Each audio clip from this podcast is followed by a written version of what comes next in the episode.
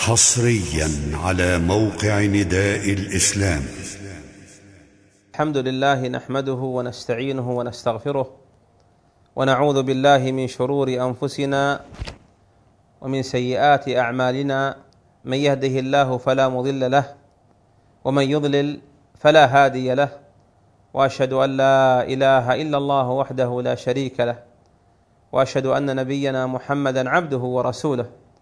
اللهم صل وسلم عليه وعلى آله وأصحابه ومن سلف من إخوانه من المرسلين وسار على نهجهم واقتفى أثرهم إلى يوم الدين وسلم تسليما كثيرا. أما بعد أيها الإخوة فإني أحمد الله إليكم الذي لا إله إلا هو وأسأله لي ولكم كمال التوفيق وحسن العاقبة وصلاح الخاتمة وأن يختم لنا رمضان بمرضاته والعتق من نيرانه وأن يجعلنا ممن أوجب لهم عواليه وجنانه. إنه سبحانه أكرم مسؤول وأعظم مرجي مأمول. أنبه لكم في هذا اللقاء يا أيها الإخوة عن أخطاء تكون في آخر الشهر. ومن ذلك أن من الناس من لا يحسب دخول رمضان ولا خروجه إلا بالحساب الفلكي فقط. أما المشروع الصحيح فإن دخول رمضان وخروجه إنما يكون برؤية الهلال. فلقد قال النبي صلى الله عليه وسلم صوموا لرؤيته وأفطروا لرؤيته فإن غمي عليكم في رواية فإن غبي عليكم وفي رواية ثالثة فإن أعتم عليكم فأكملوا العدة. وفي رواية وهذا الحديث في الصحيحين. في لفظ للبخاري فأكملوا عدة شعبان ثلاثين. فانصرام رمضان إنما يكون برؤية هلال العيد هلال شوال. ولا يثبت دخول هلال شوال إلا برؤية عدلين اثنين. لا بد أن يكون رجلين أو يكون رجل وامرأتان. من الأخطاء الواقعة في آخر الشهر أنه إذا ثبت دخول هلال شوال هلال العيد أن من الناس من يحيي ليلة العيد بالقيام فيصلي فيها مثلا صلاة التراويح أو يحييها بالتهجد تخصيصا لهذه الليلة لأن لأنها ليلة عيد. وهذا الفعل فعل غير مشروع بل هو خارج عن سنة النبي صلى الله عليه وسلم. تدرون لما؟ لأن سنته عليه الصلاة والسلام أن لا يخص ليلة بقيام. ولهذا قال كما جاء في الصحيح لا تخص يوم الجمعة بصيام ولا ليلتها بقيام وكذلك ليلة العيد لا تخص بقيام مستقل. فمن كان من عادته أنه يقوم الليالي في رمضان وفي غيره فليقم ليلة العيد على أنها ليلة كسائر الليالي وإلا فليكتفي بالوتر أما يخصها بصلاة مخصوصة لوحدها أو بعبادة مخصوصة لوحدها فهذا من البدع ومن المحدثات التي ليس عليها أمر النبي صلى الله عليه وسلم ولا سنته ولا هديه ولا هدي أصحابه رضي الله عنهم. من الأخطاء الواقعة لنا في ليلة العيد أيضا أن من الناس من يؤخر إخراج زكاة الفطر. فلا يخرجها قبل العيد لا بيوم ولا يومين ولا في ليلتها وربما أدركه صلاة الصبح وصلاة العيد ولم يخرجها. وهذا خطأ يجب أن نتداركه ويجب أن ننتبه له فلا تنقضي صلاة العيد قبل إخراج الزكاة. أعني زكاة الفطر وتسليمها لمستحقيها. من الأخطاء الواقعة أن من الناس من ينشغل في ليلة العيد باللعب.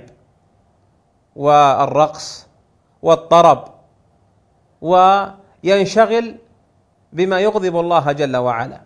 وهؤلاء أخطأوا وأسرفوا على أنفسهم خطأ وإسرافا عظيما. إذ لو كان هؤلاء ممن قبل صيامهم وقيامهم فما هذه والله حال من قبل صيامهم وقيامهم بأن يجعلوا آخر لياليهم باللعب والطرب والغناء والرقص. وإن كان هؤلاء ممن لم يقبل صيامهم ولم تتقبل طاعاتهم ولا قيامهم فما هذه حال هؤلاء الذين لم يقبل منهم هذا العمل الصالح؟ فليجب أن ينتبه لذلك المؤمن وليعلم أن ليلة العيد ليست لأذيته وأذية المسلمين. نجد من أبنائنا وبناتنا وصغارنا وشبابنا وصغارنا وشبابنا من يمضون هذه الليلة بأذية الناس بالأصوات أصوات السيارات أو التفحيط أو استخدام الألعاب النارية التي تسمى بالشروخ والطراطيع وما وتسمى به. فليس هذا هو الفرح بليلة العيد. وكان هديه عليه الصلاة والسلام وهدي أصحابه في ليلة العيد من حين ما يثبت دخول هلال آه، شوال إما برؤيته أو بإتمام رمضان ثلاثين يوما كان شعارهم التكبير والتحميد والتهليل. وكانت سنته عليه الصلاة والسلام في ليلة العيد أن يقول الله أكبر الله أكبر لا إله إلا الله والله أكبر الله أكبر ولله الحمد. وجاء أنه يقول الله أكبر كبيرا والحمد لله كثيرا وسبحان الله بكرة واصيلا. ولا يزال التكبير كذلك إلى أن يدخل الامام لصلاة العيد. والتكبير ليس جماعيا يكبرون بصوت واحد كأنهم ينشدون أو كأنهم في أهازيج وإنما يكبر هذا ويكبر هذا ويكبر هذا ويهلل هذا ويحمد هذا فيكون للمسجد وللأسواق وللبيوت دوي بذكر الله عز وجل لأن الله أمرنا أن نكبره على ما هدانا وهذا مما هدانا إليه. فلهذا كانت سنته عليه الصلاة والسلام التكبير. الله أكبر الله أكبر لا إله إلا الله والله أكبر الله أكبر ولله الحمد. ومن الأخطاء الدقيقة في هذا المقام أن من الناس من يكبر إذا كان عند معارفه عند المستقيمين أمثاله. أما إذا غفل في سوقه في طريقه في بيته غفل عن التكبير.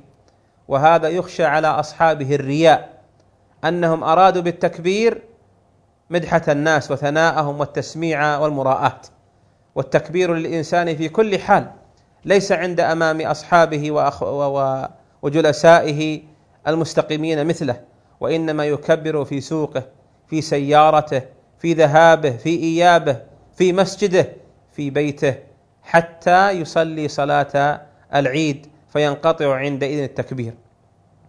هذه أخطاء يجب أن ننتبه لها تتعلق بالمقاصد وتتعلق بالأعمال والأقوال فإن السعيد من اتعظ إذا وعظ وممن تذكر إذا ذكر. اللهم اجعل أعمالنا وأقوالنا ومقاصدنا خالصة لوجهك لا حظ فيها لأحد غيرك واجعلنا ممن أظهر واستقام على سنة نبيك محمد صلى الله عليه وسلم. واجعلنا ممن قبلت صيامهم وقيامهم وأعتقتهم من نيرانك. إنك أكرم مسؤول لنا ولكم يا أيها الإخوة ولوالدينا ووالديكم ومشايخنا وأحبتنا من المؤمنين والله تعالى أعلم وصلى الله وسلم على نبينا محمد وعلى آله وأصحابه والسلام عليكم ورحمة الله وبركاته. تم تنزيل هذه المادة من موقع نداء الإسلام www.islam-call.com